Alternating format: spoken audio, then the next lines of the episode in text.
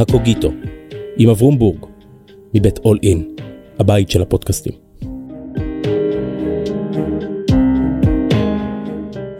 שלום, כאן אברום בורג. במשך חיי פגשתי המוני אנשים, רובם מעניינים ומרתקים בדרכם. וכשאני מחפש את המפתח על מגירות הלב של הנשים והגברים האלה, אני מוצא תמיד יסוד אחד. לכל אחת ואחד מהם יש טקסט משלהם. לכל איש ואישה יש טקסט קצר או ארוך, ספר, שיר או פתגם, טקסט אחד לפחות עליו בנויים לא מעט ממגדלי החיים שלהם. בפודקאסט הזה, הקוגיטו, אנחנו משוחחים, לא מתקוטטים ולא מתנצחים, אלא יוצאים מהטקסטים אל דרך ההבנה של הזולת, מנסים להבין את עומק הקולות הסמויים של המקהלה הישראלית. והיום מישהו שהוא גם חבר וגם שותף וגם חכם, עמרי בום. היי, שלום. עמרי, ברוך הבא חזרה למולדת. תודה רבה, טוב לראות אותך. אה, ביקשתי ממך טקסט ואמרת... אמרתי עקדה, אבל כבר עשית. אמרתי אמ, אולי הקוגיטו של דקארט, אבל אז חשבתי שאולי זה טכני מדי. זה מתחכם מדי עם הפודקאסט שלי, כן. בסוף החלטנו על מהי נאורות של עמנואל קאנט. מהי נאורות של עמנואל קאנט? הנאורות של עמנואל קאנט, אמ, אמ, כפי שהוא מגדיר את זה, אני קורא את זה עכשיו בעברית, כי בדרך כלל אני מצטט את זה בשפות אחרות, היא יציאת האדם מחוסר בגרותו, שהוא עצמו אשם בו. השאלה המעניינת היא, מה זה אומר להיות מבוגר כאדם, ולמה האדם יכול להיות אשם בעצמו בחוסר בגרותו. רגע, רגע, רגע, רגע, רגע. לפני שאתה מתחיל לחפור לקנט את הראש שלו כדרכך בקודש, יש לו מין טענה שאם אני מבין אותה, זה שאם אתה אדם נאור אתה מבוגר בצורות מסוימות, ובעצם החברה האנושית עד הנאורות היא חברה לא, מבו... לא בוגרת, היא חברה ילדותית, היא חברה אה, אולי לא אחראית, אני לא יודע. אינפנטילית במובן מסוים. כן, כן. אינפנטילית זה עוד לפני ילדותית, היא תינוקית. כן. כי מה? מכיוון שהיא לא מבטאת את היכולת של האדם לחשוב בעצמו. בני האדם, במקום להשתמש במחשבה שלהם עצמם, משתמשים או נסמכים על אוטוריטות אמ, של אחרים. הוא מדבר על האומץ להשתמש ב, ב, בשכל. כלומר, לכל אדם יש שכל, אבל מעטים יש להם את האומץ להשתמש בו. מעטים יש להם את האומץ להשתמש בו, ומעטים יש להם, למעט חברות יש את האומץ גם לאפשר את זה לאנשים, שיוכלו להשתמש באוטוריטה של עצמם במקום ליפול על האוטוריטה של החברה. במובנים מסוימים אנחנו, כשקאנט כותב את זה, הוא חושב בין היתר, אבל לא רק, הוא חושב על האוטוריטה של הדת, זאת כמובן הדוגמה הברורה ביותר, אה, אה, כשהוא כותב להעברה של האוטוריטה למקורות חיצוניים, במקום לחשוב לעצמי, אני נותן לרבי, לכומר, אה, לנביא, נדבר על זה אולי עוד רגע, להגיד לי את האמת. קאנט חי במרבית המאה ה-18. כן. זאת אומרת, אה, זאת המאה עליה אנחנו מתייחסים, היא מאה שממנה יצאו לדרך המוני דברים שעד היום אה, פועמים אה, או הולמים בקרבנו. ואחד מהם הוא באמת הקרב בין שכל האדם לסמכויות שמעבר לשכל האדם. לא במקרה, לא שנים רבות לפני, ולא ש... לא שנים רבות לפני שקאנט כותב את הטקסט הזה, ולא ש... קורא את המהפכה האמריקאית. ולא שנים רבות אחרי הצרפתית.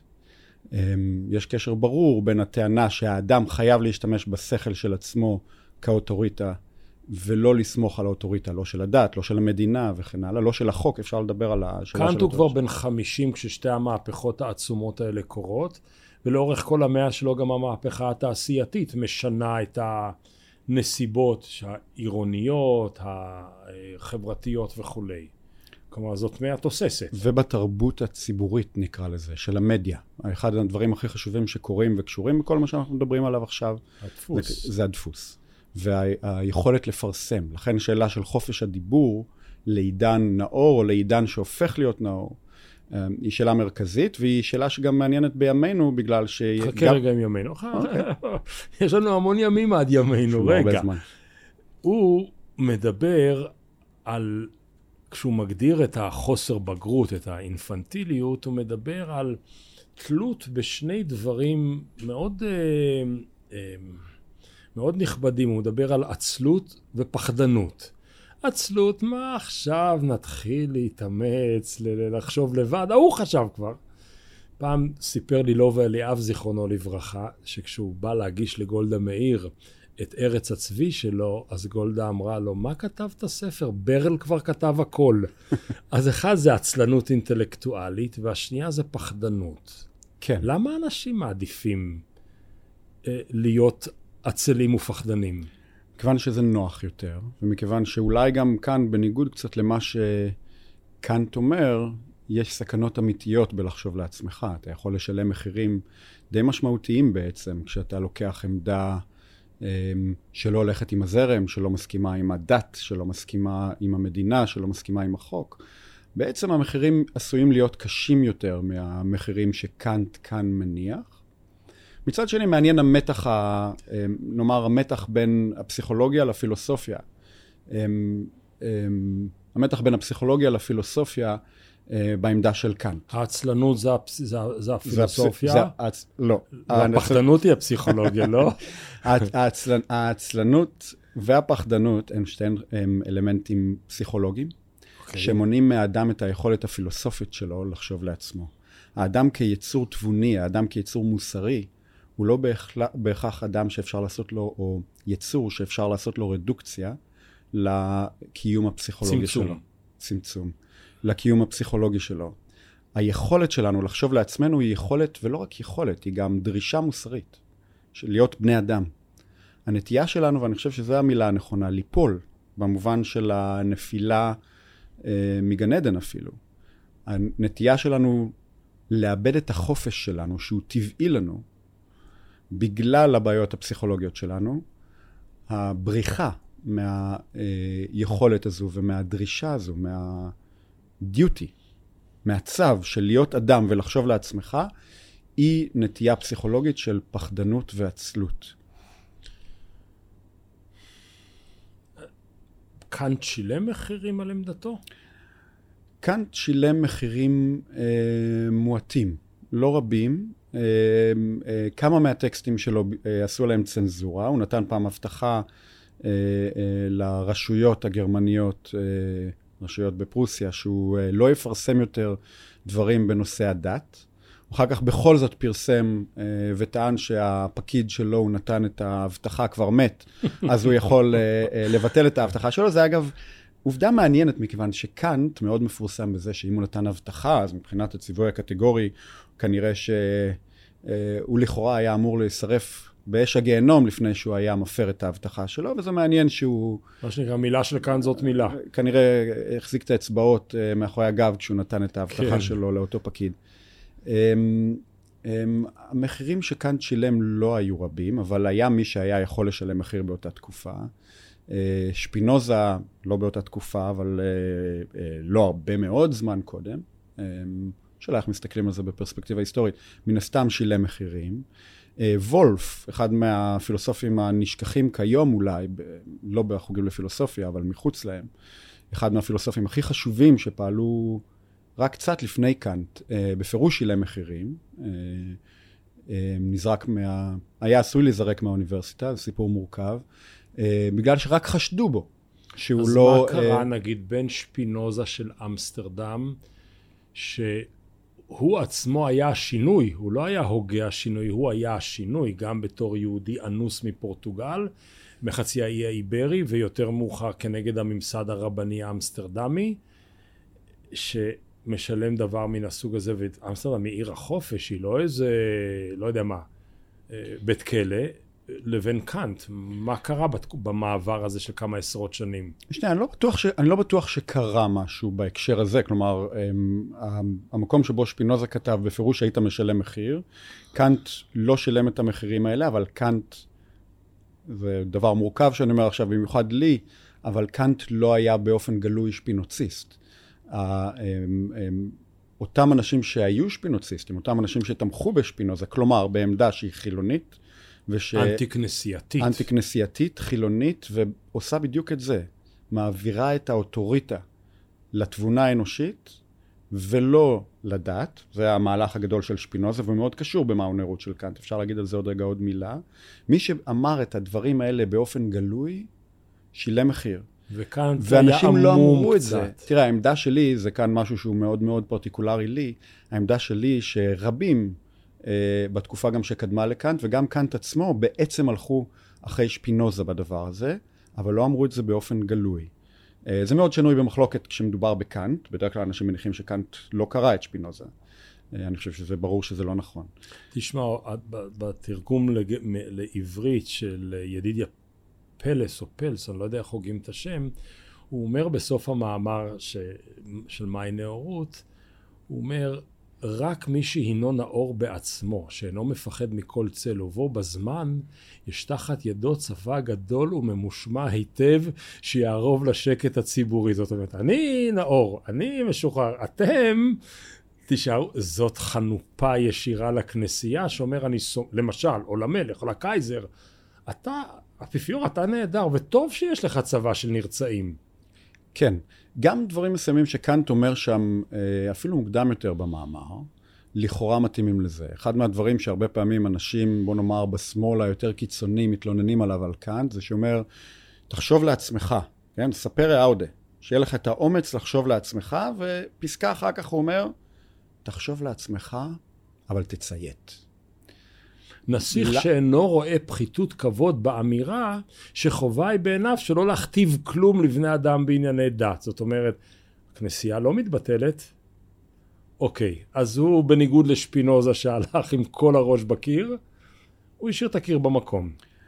מורכב בעיניי, מכיוון שבסופו של דבר קאנט תומך במהפכה הצרפתית ומבטא עמדות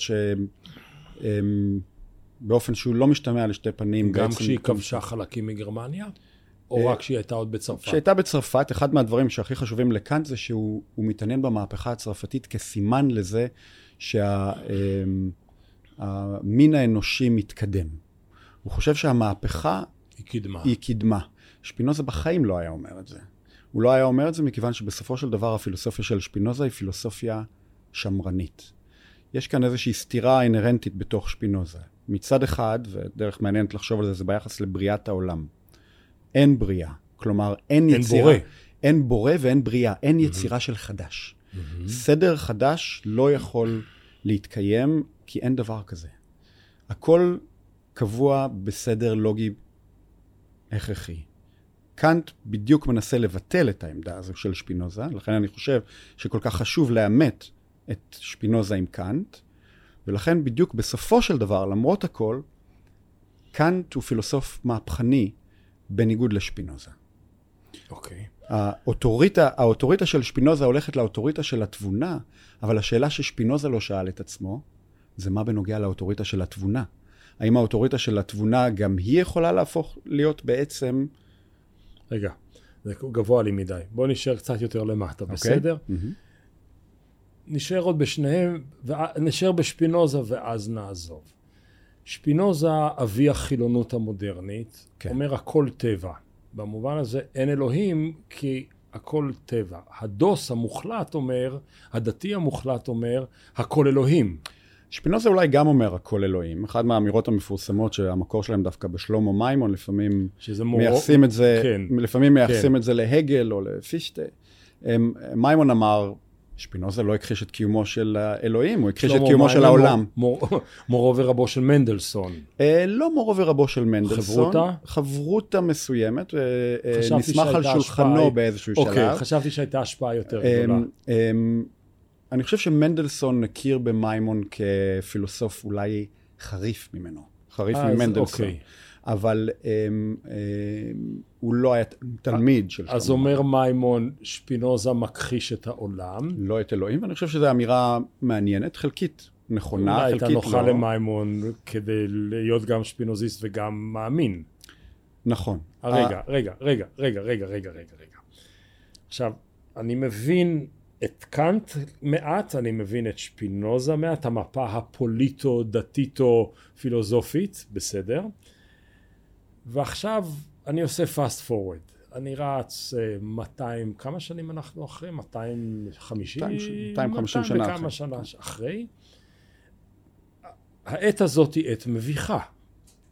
כי מצד אחד יש המון המון התקדמויות והמון המון מהפכניות, אבל מצד שני התלות של בני אדם, יחידים, באנשים, סליחה, היכולת של בני אדם לא להפעיל את שכלם בדור הזה היא אולי יותר אה, אה, עמוקה מאשר הרבה דורות קודמים, רבנים, פופוליסטים, תקשורת שמטמטמת את המוח, חוסר לוגיקה גורף בכל עולם הפייקים אה, למיניהם. אז הציפייה שלו שבכל מקום שהחופש נרכש, החופש להיות בעל דעה נרכש, תראה, הוא לא יחזור מה... לבקבוק יש החופש. כאן, יש כאן, לא, הוא לא יחזור לבקבוק ולא ברור מאליו שהוא מקדם את החשיבה לעצמך, החופש. Mm-hmm. וזה דברים שקאנט כבר מבין גם בעצמו, אבל הוא לא מבין עד כמה לדעתי הם מאיימים באמת על היכולת לחשוב לעצמך. אחד מהדברים שהזכרנו כבר והם הכי חשובים כדי להתקדם ביכולת לחשוב לעצמך, היא ההתפתחות של הדפוס ושל התקשורת, נאמר. היכולת לדבר באופן ציבורי על המחשבות שלנו. לחשוב לעצמי זה לא משהו שאני עושה באופן פרטי. חושב לעצמי אה, כשאני יושב לבד בחדר, כשאני אה, חושב בראש. לחשוב לעצמך בשביל קאנט, וזה מהותי לנאורות, זה היכולת שלי לדבר באופן ציבורי, לכתוב בעיתון את דעתי ולקבל תגובות וביקורת. מחשבה נעשית באופן ציבורי תמיד. מה שאנחנו מגלים עכשיו, לא גילינו אותו רק עכשיו, אבל uh, אנחנו רואים את זה עכשיו יותר ויותר, זה שבמרחב הציבורי של טוויטר, פייסבוק, טלוויזיה, um, uh, פרסומות וכן הלאה, בעצם המרחב הציבורי כבר לא מאפשר יותר את הנאורות. הוא כבר לא מאפשר יותר את החשיבה לעצמך, מכיוון, ש, מכיוון שהוא כל כולו כבר לא מונע מאמירות אמת, מדיון מעמיק וכן הלאה, אלא מאינטרסים, מהשתקות, מטענות באורך של טוויטים וכן הלאה וכן הלאה. היכולת באמת לחשוב באופן מעמיק דרך החשיבה הציבורית הולך לאיבוד. כלומר, מראית העין של עידן, סליחה, עידן שבו ניתן להגיד הכל, היא סוג של אשליה משום שבעצם לא אומרים כלום. בדיוק. מתישהו גילינו שהחופש המוחלט להגיד את כל מה שאתה רוצה, לא בהכרח מאפשר יותר um, עומק מחשבה. וזה הפרדוקס שאיתו אנחנו, אני חושב שאנחנו מתמודדים היום, כשאנחנו חושבים על הבעיה של הנאורות. זה לא רק הדת שמאיימת על המחשבה החופשית, אלא גם הדמוקרטיה. אגב, חושב אחד שהבין את זה, ואני חושב שבמובנים מעניינים מאוד הוא קרוב לכאן, זה טוקוויל. הרעיון של ה-tyranny of the masses. שעיצב את אמריקה במובנים רבים. הוא חשש שהרעיון של ה-tyranny of the masses, עריצות ההמונים, עריצות ההמונים, הרעיון שבגלל שכל האינדיבידואלים עכשיו ירצו לחשוב לעצמם, לא תהיה שום אוטוריטה, ומכיוון שלא תהיה שום אוטוריטה, כל אחד יוכל להגיד ולחשוב את מה שהוא רוצה, וזה רק יגרום לזה שיש את um, ההנמכה של המחשבה, הרידוד של המחשבה. אה, לא, אתה, אתה, אתה טומן כאן שני מוקשים. אוקיי. Okay. המוקש האחד אומר, המחשבה התרדדה, ובוא נגיד שההבדל בין, אמ, בין המרחב הציבורי של קאנט של המאה הראשונה של הדפוס, או המאה החמישים שנה הראשונות של הדפוס, לבין העידן של היום, זה כמו ההבדל בין אובמה לטראמפ. בסדר? של אחד הוגה או באמת בעל יכולות תרבותיות עמוקות, והשני 140 תווים בטוויטר. זה נכון שהיה בבחירה של אובמה, מעבר לזה שבחרו בנשיא שחור, אחד הדברים הכי מעניינים היה שבחרו בנשיא שמסוגל לדבר ברצינות ולעומק. ו- לא מובן מאליו. וקרא ספר. קרא, כתב, כן. כן, כן, והיה עורך של ירחון אה, בעל חשיב וכולי וכולי. אז זה, זה לעשות אילוסטרציה נגיד להבדלים או לרדוקציה, כמו שאתה קורא לה, של השיח הציבורי. אבל יש כאן אה, אה, אולי מוקש נוסף, והוא שאנשים בוחרים באופן אינטלקטואלי להיות בעדר. חשבתי, הגעתי למסקנה שאני רוצה להיות בעדר. עכשיו, העדר הוא גם היעדר חשיבה, אבל אני הגעתי לזה מתוך מחשבה, שאנחנו חיים בתקופה עדרית. נכון. אגב, זה אחד מהדברים שקאנט כבר מזהיר עליהם, אני חושב שהרבה אנשים לא שמים לזה לב כשהם קוראים את המאמר, אבל כשקאנט מדבר על הסיבות לזה שאנחנו נשארים בעדר, הוא מונה בעצם שתיים. אחת זה הנטייה לעשות outsourcing למחשבה לעצמך, הפחד הזה. תכף נדבר למי עושים את המיקור נכון. חוץ. כן. אבל, אבל אה, הוא כבר מצביע גם על כיוון נוסף, והכיוון הנוסף הוא הנטייה לחשוב, אני כבר לא זוכר איך הוא קורא לזה שם בעברית, לחשוב דרך כללים ונוסחאות.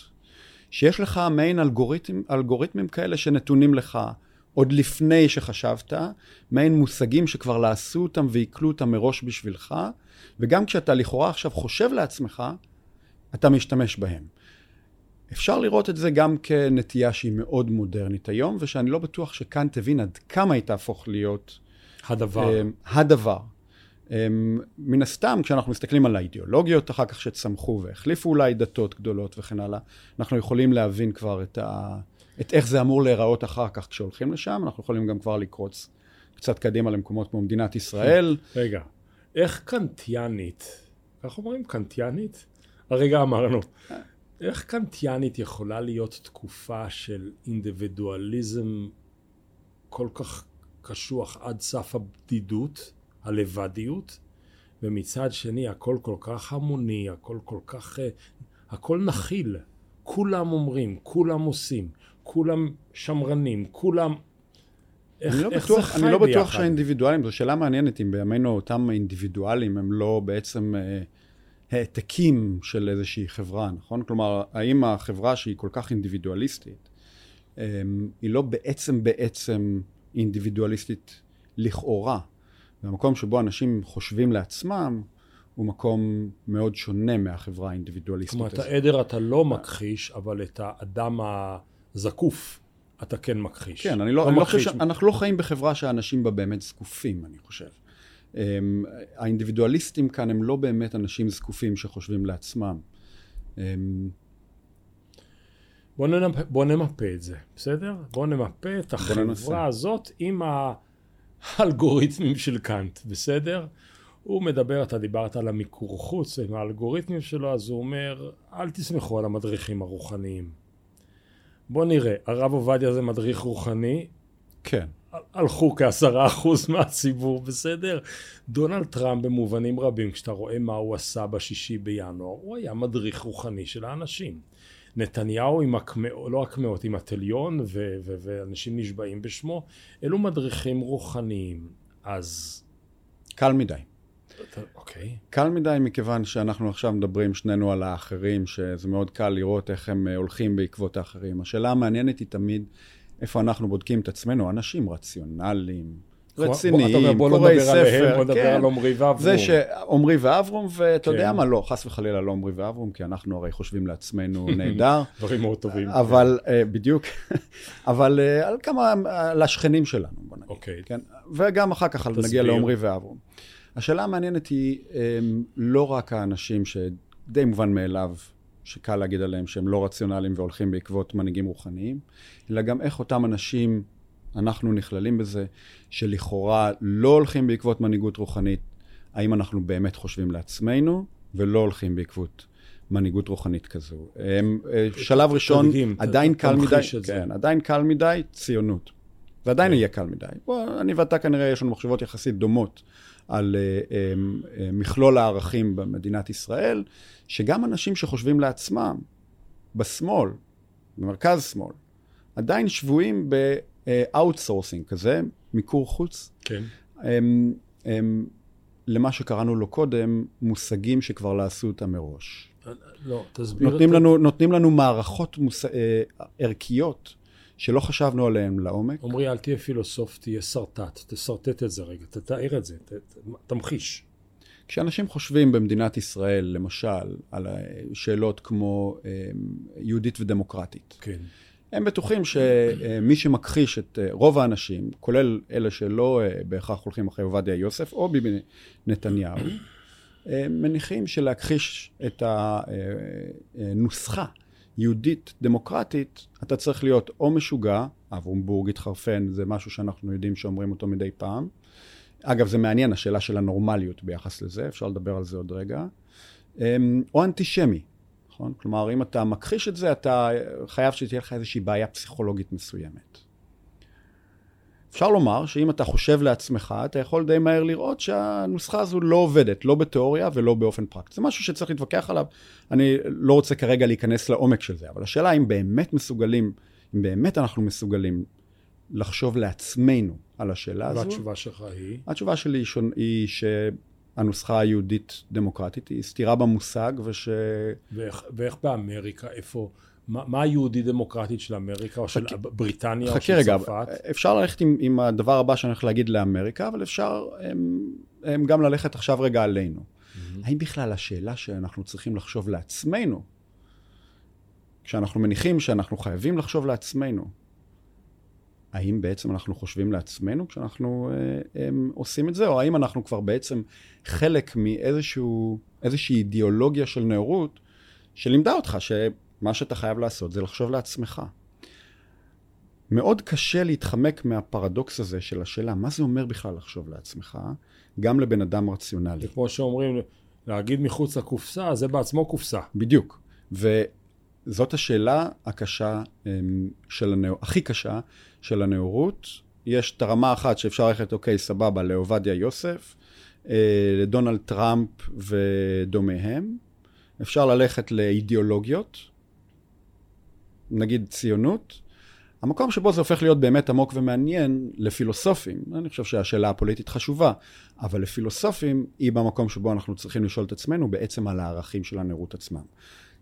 באופן שהוא זול מדי אפשר להגיד, רגע, אני צריך לחשוב לעצמי בגלל שקאנט אמר?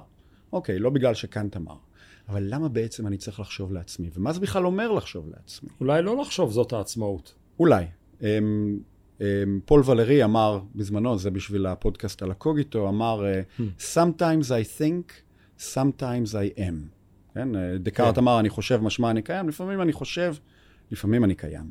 המוטו שלי לספר הבא שלי הוא, אני מחכה לספר הבא שלי בשביל לדעת מה אני חושב. בדיוק. אז אה, אני קיים בהמתנה. כן. תראה, אז אמרנו, נמפה את המציאות של היום לפי המפתחות של, של קאנט. אז אחד, על המדריך הרוחני אמרנו. זאת אומרת, מציאות מלאת סתירות. כן. אחרי כן הוא אומר, כל כך נוח להיות לא בוגר. אם יש לי ספר שיש לו שכל בשבילי, אני בטוח שעל מדפי הספרים, בחנות הספרים הקרובה למקום מגוריך, שזה בטח Amazon Books, או, או מה שלא יהיה, כן. יש שני עותקים של איזשהו ספר שלך, רפובליקה, אה, רפובליקת חיפה כלשהו. רפובליקת חיפה. כן, אבל יש 200 אלף ספרי הדרכה. אה, שמישהו הזיז את הנזיר שלי, או מישהו נסע עם הגבינה בפרארי שלי, או נכון. אוקיינוס כחול, או אני לא יודע מה. תמיד אז... שמים את הפילוסופיה ליד ה-self-help. בדיוק, זה המדף ליד, כן? אז במובנים רבים, אפילו מדפי הספרים שלנו הם אנטי-קנטיאנים, כי הכל הדרכות, how to ו-how to ו-how to. בלי שום ספק, בלי שום ספק. אבל שוב, אני תמיד דואג, וזה מה שאני גם אומר לסטודנטים שלי, זה נכון, וזה ללא ספק נכון כתופעה חברתית. זה הסוציולוגים צריכים לנתח את זה כ, כבעיה חברתית. אני חושב כפילוסופים, השאלה שצריכה לעניין אותנו זה לא רק איך החברה הפכה להיות כזו שכל כולה ממשיכה בעצם לדבר את השפה הדתית, כי זה מה שזה. זה, זה פשוט צורות אחרות של דת. שהרבנים שלך פשוט התחלפו, כל אחד עושה לעצמו רב אחר אולי, אבל רבנים אחרים נותנים, לה, כותבים את הספרים אחרים. סמכויות אחרות. Mm-hmm. השאלה המעניינת היא, מה קורה, כשאנ... אם בכלל, כשאנחנו לכאורה משתחררים. חכה רגע, ננסה לשרטט כן. את החברה. החברה ללא ספק, החברה ללא ספק אה, נשארה מאוד אה, שבויה ב outsourcing של האוטוריטות, ואני חושב שזאת עובדה מוכרת ומעניינת, שכאן הנאורות נכשלה, וזה מעניין לבדוק למה. היא נכשלה במחשבה שלה שבקדמה מדעית נשיג קדמה מוסרית, וכשאני אומר מוסרית, אני לא רק מתכוון במובן של הצדק, אלא במובן גם של אותו האידיאל הקנטיאני, של הלחשוב לעצמך, ויש קשר ביניהם. שוב. הכישלון של הנאורות היה שהיא השיגה קדמה מדעית, אני חושב שאין לנו שום ספק שאנחנו התקדמנו עם הנאורות ברמה המדעית, אנחנו הפכנו לשולטים בטבע, אנחנו רואים שהשליטה לא הזו היא חרב פיפיות, חרב פיפיות בכל המובנים, אבל אנחנו מאוד התקדמנו במובן התיאורטי של המילה, בשליטה מתמטית בטבע. שוב, לא שליטה במובן המלא של המילה, ואנחנו רואים כרגע גם איך זה היה, אה, שוב, חרב פיפיות. אבל מה שללא ספק לא קרה... חזירים בחיפה, שריפות היער. קורונה. והקורונה זה הטבע, הטבע לוחם חזרה. הטבע, זה, לזה אתה מתכוון. הטבע לוחם חזרה, אבל, זה, אבל מה שמעניין הוא כמובן שזה אפילו לא רק הטבע לוחם חזרה, אלא גם השליטה שלנו בטבע שמפריחה את עצמה. כי אה, למשל התחממות גלובלית היא תוצאה של, ש... של זה שאנחנו לכאורה שולטים בטבע. אז uh, זאת, זאת תופעה מעניינת, אבל כן הייתה לנו היכולת המדעית והידע האנושי. והאתיקה אבל לא התקדמה. אני חושב שהדרך לבטא את זה, זה לומר, הידע האנושי התקדם בצורה מדהימה, המחשבה האנושית לא התקדמה. וההפרדה בין ידע לבין מחשבה, מאוד מעניין לראות גם בטקסט של קאנט שם את הפער בין מצד אחד ידע, מצד שני מחשבה. הוא בעצמו, אני קורא לזה לפעמים הנפילה הפרוידיאנית הכי מעניינת בהיסטוריה של הפילוסופיה, הוא מגדיר את הנאורות כאומץ לחשוב לעצמך, ואז מוסיף ואומר, ספר ראודה. ספר ראודה זה שיהיה לך את האומץ לדעת. אבל קאנט, כל מי שמכיר את ביקורת התבונה הטהורה, יודע שאצל קאנט לחשוב ולדעת זה לא אותו הדבר. עוד מסוקרטס אנחנו יודעים שסוקרטס היה החכם באדם כי הוא ידע שהוא לא יודע. הוא לימד את התלמידים שלו לחשוב, ולא לחשוב שהם יודעים. לישעיהו ליבוביץ', שזכיתי להכיר. אה, אני לא. אה, זכיתי גם מילדותי וגם מבגרותי, היה אומר, לא חשוב כרגע על מי, הוא היה אומר, מצטט, תלמיד חכם שאין בו דעה, נבלה טובה המנו. זאת אומרת, אתה יכול להיות מלא, אתה אנציקלופדיה, אתה ויקיפדיה מהלכת, אבל אם אין לך את הדעה במובן של, אה, כמו, שקורא, כמו שקורא לזה קאנט, אה, להשתמש בשכל בלי הדרכת הזולת, לחשוב, אתה כמו נבלה, אתה סתם, אתה פגר. ובמובן עמוק אנחנו הפכנו את המדע לדת. כלומר, המדע הפך להיות אותה אוטוריטה שלכאורה היא נאורה, אבל לא באמת. והיא אומר, תגיד לנו את האמת, היא תגיד לנו איך להתנהג וכן הלאה. מה שמעניין כאן זה שני דברים, אני חושב. אחד, קאנט כבר הבין את הבעיה. שתיים, לדעתי לפחות, היא מתחילה בשפינוזה. כי שפינוזה היה הפילוסוף שחשב שהתבונה, במובן התיאורטי של המילה, תיתן לך את הידע על המציאות. ומתוך הידע על המציאות, אתה תוכל um, לעשות אתיקה. כשקאנט מנסה לבקר את התבונה ולפתוח את הפער הזה בין מחשבה לבין ידע, אני רוצה הוא לך... מנסה לפתוח פתח למחשבה של אנשים לעצמם. אז אני רוצה להיכנס לתפר הדק הזה. קאנט כשהוא משרטט את התלויות שלנו, או ממש, את מלחמת העצמאות שלו, הוא רוצה מלחמת עצמאות מ...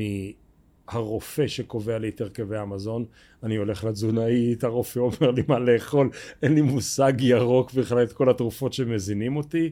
יש מדריכים, כמו שאמרנו, שרמות למיניהם, שהם יותר מלאים ממדף הפילוסופיה, כן. ועדיין יש לנו גם את המדריכים הרוחניים, מטראמפ ועד uh, גורואים uh, באיזשהו מקום שלא היו, נכשל. כן. אוקיי? בסדר. ואז הוא אומר משהו מאוד מעניין. הוא אומר, ממש בסמוך לכך, למה לי לטרוח בעצמי? אין לי צורך לחשוב די בכך שאשלם. כן. עכשיו, הוא מדבר על תקופה עם מבנים חברתיים וכלכליים ארכאיים בצורה בלתי רגילה יחסית לנסדק. אבל הוא כבר מבין את ה... איפה זה הולך. אני רוצה להכניס כאן אלמנט חדש. אתה דיברת על הידע, מידע וידע, מול מחשבה ו... ועצמאות אה, מחשבתית. כן.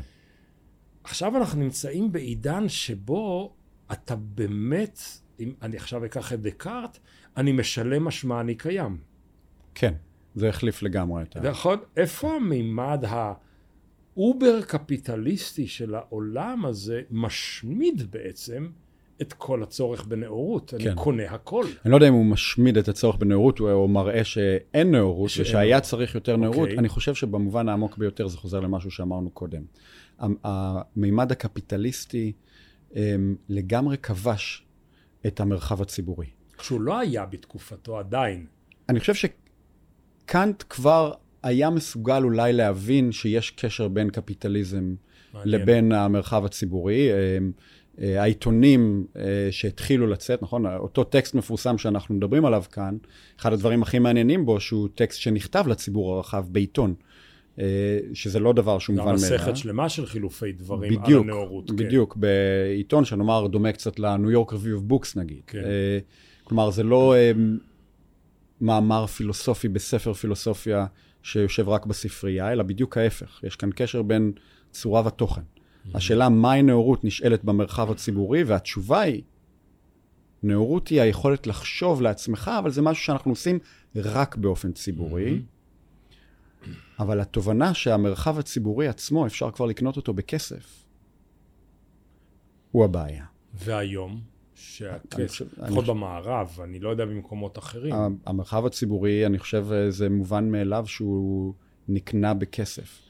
אה, אפילו במדע זה נכון, אבל בטח ובטח כשאנחנו מדברים על דיונים פוליטיים, כשאנחנו מדברים על העיתון, בסופו של דבר היום, מה שהעיתון מפרסם, אני חושב, נובע פחות אפילו משיקולים אידיאולוגיים בדרך כלל, ומאוד משיקולים כלכליים. כלומר, זה יכול מאוד להיות שהמחשבה העצמאית או המקורית, או באשר היא, תבוא מהמקומות שבהם הכסף עדיין לא זיהם אותם, בבחינת היזהרו בבני עניים שמהם תצא תורה, היא תבוא מאפריקה, היא תבוא מהחברות היותר ארכאיות? זה יהיה מעניין, זה, זו עמדה אחת אפשרית. אני חושב שאנחנו יכולים לחשוב כאן שתי, שני, על שני כיוונים שונים. אחד הוא שאתה צריך באמת ללכת לחברות שבהן עדיין אה, אה, לא הייתה ההתפתחות הקפיטליסטית הזו, שהיא במובנים מסוימים טוטליטרית, אם חושבים על האופן שהיא שולטת כבר במחשבה. עריצות הכסף. ממש. או שאפשר עדיין להאמין באותו דבר בסיסי שקאנט אמר כשהוא התחיל את, ה, אה, את אותו מאמר, שלבני אדם יש יכולת לחשוב בעצמם, ואם הם לא עושים את זה, זה רק באשמתם. יכול להיות שאנחנו היינו מסוגלים אה, לחשוב כמה מחשבות לעצמנו, למרות שאנחנו נולדנו לעולם, אה, גדלנו בעולם וחונכנו בעולם, שכבר המרחב הציבורי בו סובל מעריצות הכסף. אני חושב שזאת תהיה התשובה uh, שאני מאמין בה, וגם שקאנט היה נותן לך. אתה לא צריך להרחיק לאפריקה, ושוב פעם לעשות את הטעות הזו הלא נאורה. אתה יכול לחשוב לעצמך, כמו שאנשים שגדלו בתוך דת, אני אומר את זה לך, hmm. אותם אנשים שגדלו חשבתי בתוך... שאתה לא יכול לעשות רדוקציה לזהות שלי. כן, אוקיי. עדי, אני מעדיף לא, אבל זה בדיוק העניין. אבל אם אין ברירה, מכיוון שאני לא יכול... בך נגדך. זו, זו התשובה, כן. מכיוון שאני לא יכול לעשות רדוקציה לזהות שלך, לא כדתי וגם לא כבן אדם שנולד לתוך חברה קפיטליסטית, אני יכול לדרוש ממך שתחשוב לעצמך. ואני לא צריך ללכת לילדים באפריקה שעדיין לא שייכים לתרבות כל כך קפיטליסטית. תראה, בני יש... אדם מסוגלים לזה... לגאול את עצמם מתוכם. מכוח, מכוח מי שהם, שזה... זה לא זה... מוכיח את עצמו, אבל... זה לא מוכיח את עצמו. בינתיים. אולי המחשבה צריכה... לא, אולי המחשבה אולי ידע ומידע הם יותר מכניים ולכן יותר קל לרכוש אותם ואבולוציה של מחשבה לוקחת יותר מ-150-200 שנה. זאת אומרת, אה, תחשוב של מין אנושי הוא בין מיליארדים או בין מיליונים, או התרבות האנושית היא בת עשרות אלפים של שנים, אז 200 שנה זה פסיק. יכול להיות. בשביל הקוגניציה. יכול להיות, יש תחושה קשה שאנחנו לא חיים בחברה, בזמנו, אה, אחד מהדברים הכי מעניינים שקאנט כותב על זה באותו מאמר, הוא כותב, האם אנחנו חיים בחברה נאורה? ברור שלא. אנחנו חיים בחברה שעוברת תהליך של נאורות, ואני חושב שכשהוא אמר את זה, זה היה נכון. למה זו תשובה למה שאתה אומר? כי אני שואל את עצמי אם היום היינו אומרים את אותו הדבר. לא. אנחנו לא חיים בחברה נאורה, אבל האם אנחנו חיים בחברה שעוברת תהליך של נאורות? האם אנחנו יכולים לומר שהתהליך של המודרניזציה שאנחנו רואים, התהליך של uh, איסוף הידע, התהליכים הפוליטיים שאנחנו רואים, הם תהליכים של um, נאורות?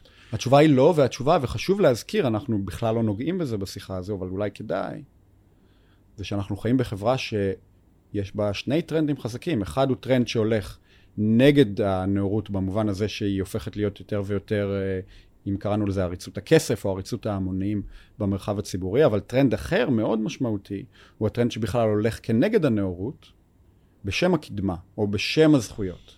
כלומר, היום כשאנחנו מדברים על uh, um, uh, ארגונים וחושבים בשמאל, יש נטייה מאוד משמעותית בעצם להגיד שהנאורות עצמה היא הבסיס לגזענות, לדיכוי, לעבדות וכן הלאה. כלומר, זה אחד מהטרנדים הכי חשובים שגם עליהם צריך לדבר בהקשר. זה לא יקרה עכשיו, כי זה כן.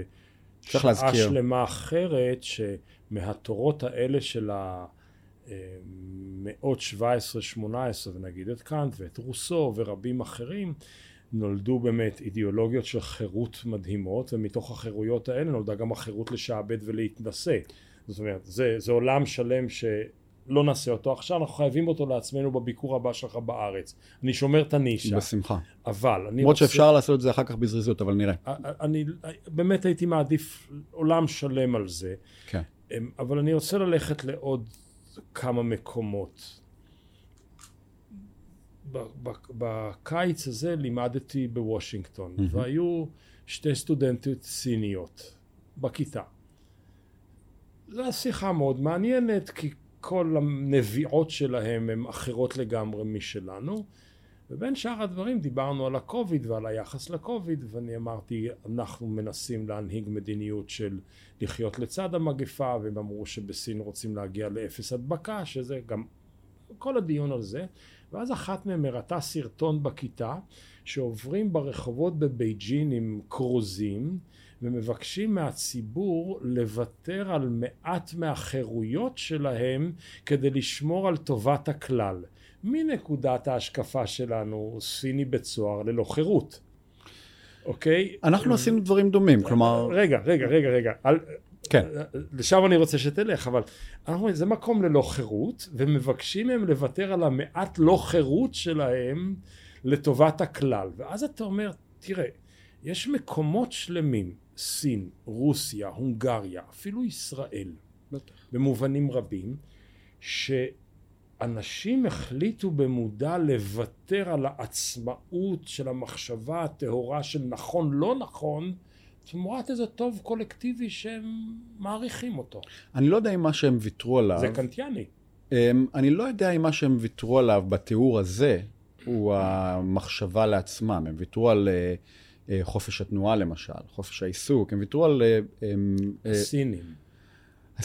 בתיאור שאתה תיארת עכשיו, הסינים ויתרו על חופש תנועה. התבקשו שה... לוותר, כן. התבקשו לוותר ו... וויתרו. אתה מדבר אולי על זה שהם התבקשו לוותר במובן הזה אז שהם ויתרו, אבל הם עשו את זה מעצמם. כן. כלומר, הם היו, הם היו הסיבה שבגללה, זה לא שהמדינה אמרה להם, עכשיו אתם מוותרים, אבל אמרו להם, בבקשה, תוותרו. אם זה נכון שכך זה נעשה באמת, ולא רק כלפי חוץ, אז במובן עמוק זה דווקא לא סותר את הרעיון הקנטיאני, מכיוון שברגע שבו אני זה שמחליט להיות זה שמוותר על הדברים האלה מרצונו, אין כאן פגיעה באוטונומיה שלי. אז אני הישראלי... יש רק דבר אחד שאני לא אוכל לעשות בהקשר הזה, ולוותר על חופש המחשבה שלי מעצמי. אבל לוותר בגלל שחשבתי בעצמי והחלטתי שזה הדבר הנכון לעשות, לוותר עכשיו על זכות התנועה שלי אה, לטובת הכלל, זה דבר שלא סותר את האוטונומיה שלי. אז אני עכשיו אקח את זה אלינו. אני מניח שהרבה ישראלים, כאשר הם חושבים לעצמם על המציאות, אומרים לא טוב.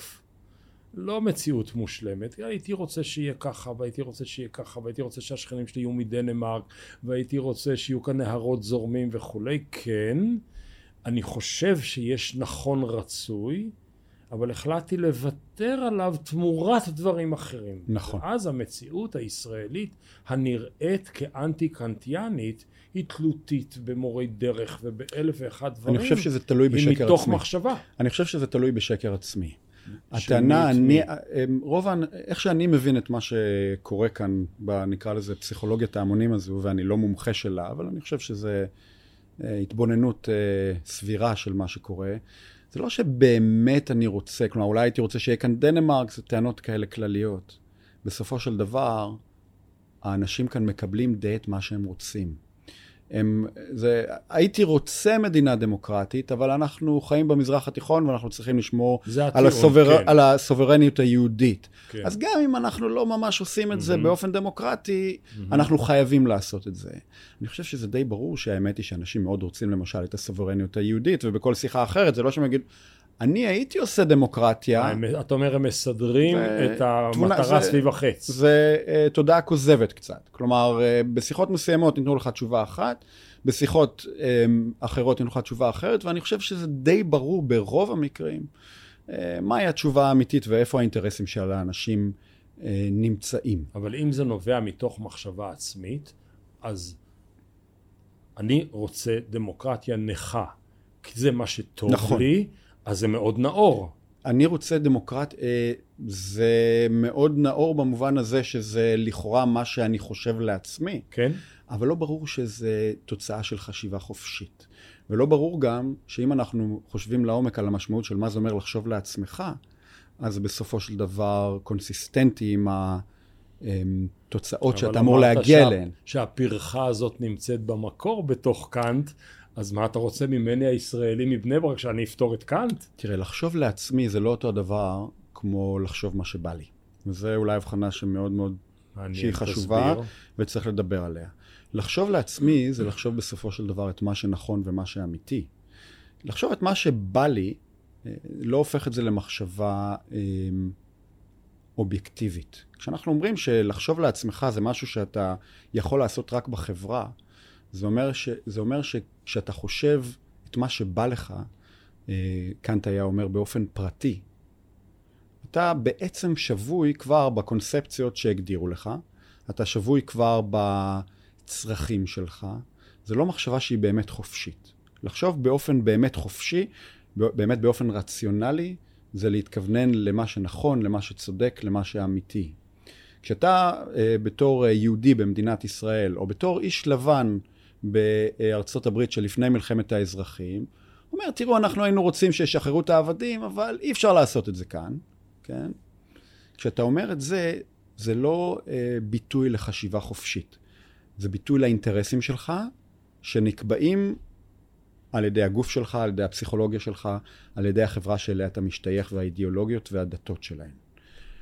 להצליח לה, להתעלות מעל המגבלות האלה, זו המחשבה לעצמך.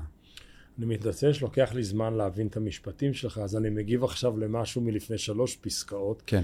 כשאמרת שיש פער עצום בין הידע מידע שהתפתחו בקפיצות קוונטיות, לבין החשיבה שהיא עדיין מאוד איטית ומאוד מיושנת, יש לי לזה אילוסטרציה. כן. אני, אני, הרבה, אני כותב, אני מתעד לעצמי המון את השיחות שלי עם סטודנטים שלי מאיחוד האמירויות. וכל פעם שאני גומר שיחה כזאת, אני כותב בסוף השיחה, הם מאוד מאוד מודרניים ומאוד לא מערביים. זאת אומרת, את כל הטכנולוגיות והאייפונים והיישומים והאפליקציות והשפה האנגלית וכל האקסלים וכל החשיבה הכלכלית והכל הכי, הכי בקדמה, אבל ה-value system, מערכת הערכים, היא חיג'אז אה, המאה השישית לספירה. וזה אולי הפער שבא לידי ביטוי גם באזור האירופאי-אמריקאי מערבי-לבן. כן, אני חושב שזה זה נשמע נכון. לנו מאוד קשה לשפוט את זה ולראות באיזה אופן אנחנו בעצם נמצאים במקום אבל אחר. אנחנו מאוד דומים לשיטתך. אני, אני חושב שאנחנו מאוד דומים. אז אני רוצה ללכת לעוד בין לבין. אם בין אחד היה בין המודרני למערבי, שזה לא אותו דבר, שהמודרני הוא הישגי המידע בהקשר הזה, כן. והמערבי זה סוג של מחשבה שאפילו המערב נסוג ממנה בימים אלו. אני רוצה... אני לא יודע אם הוא השיג אותה, חשוב להגיד את זה. הוא, הוא לא הגיע כדי לסגת. לא הגיע, לא, זה שהוא לא הגיע זה, זה די ודאי. הם, לא בטוח עד כמה הוא התקדם בכיוונים האלה. כלומר, אוקיי. אני לא חושב שאנחנו הלכנו רחוק. רצינו שנתקדם. רצינו, הייתה מחשבה שאם אנחנו, נתקד... שאם אנחנו נעשה יותר נאורות וידע, אנחנו גם נחשוב יותר לעצמנו. אני לא חושב שאנחנו עשינו שם קפיצ... התקדמות משמעותית במובן הזה. אז אני רוצה להציע לך עוד, ל- לשאול יותר מלהציע עוד בין לבין קטן ל, בתור סיום. אם אני מסתכל על הפרויקט המודרני, שהנאורות היא חלק מהמודרנה, או המודרנה היא חלק מהנאורות, ת, תגיד לי מי האימא ומי הבת וזה יתחלף, אני אגיד זה פרויקט של הצלחה ומוצלחים. מגלי היבשות, הממציאים, הסטיב ג'ובס, סטיב ג'וב, ג'ובס ג'ובסים, כן. אה, אה, האובמות, השחקנים הגדולים, המפורסמים, הידוענים, הסלבריטיז, זה סיפור של הצלחה אדירה. כן. הפרויקט הדתי שקדם לו ולא הלך לאיבוד ומתקיים במקביל לו, הוא בהרבה מובנים הפרויקט של הנכשל. מאה קולפה, אשמנו, בגדנו, על חטא שחטאנו לפניך. וקאנט שעומד בתווך בין. המודרנה שעוד רגע הולכת לפרוץ קדימה, או כבר פרצה קדימה עם כל המוצלחים, הקולומבוסים וה... למיניהם, והפרויקט הדתי שמבקש לאסוף את כל הנכשלים. ויכול להיות שבמקום שבו המחשבה הנאורה לא הצליחה, המחשבה הדתית באה לאסוף, לאסוף ביצים עזובות? אני חושב שזו הבחנה מאוד מעניינת, ו, וגם שם באמת מעניין להסתכל על קאנט, שנמצא באיזשהו מקום ביניים שאנחנו לא כל כך הבנו אותו בעידן המודרני. אנחנו כל הזמן מדברים על זכויות, ואני חושב שכשאנחנו מדברים על הצלחה, אנחנו גם מדברים על זכויות. יש לנו כאזרחים אה, מוצלחים בחברה מוצלחת, יש לנו הרבה מאוד זכויות. השאלה של החובות היא לא שאלה שמדברים עליה. כולנו מכירים את השיח של זכויות האדם, שמאפשר לאנשים שיש להם זכויות, שהם כן אזרחים, שיש להם כסף, לממש את הזכויות שלהם, את הזכויות שלהם לאושר, ליהנות מה, מהחיים בגדול. זה לא הנאורות של קאנט. קאנט הוא בסופו של דבר לא פילוסוף של זכויות, הוא פילוסוף של חובות. החברה המודרנית מדברת מעט מאוד על חובות, מה שבאנגלית קוראים duties. אנחנו מדברים מעט מאוד על זה שבעצם כאנשים נאורים ורציונליים בחברה מודרנית יש לנו חובות מסוימים. חובות מוסריים, חובות הם, חברתיים וכן הלאה וכן הלאה. התפר הזה הוא בדיוק התפר שהתפספס במעבר מלכאורה חברה דתית שכל הזמן אספה את ה... אה, אמרת, את העניים, את החולים, את האנשים. את אני...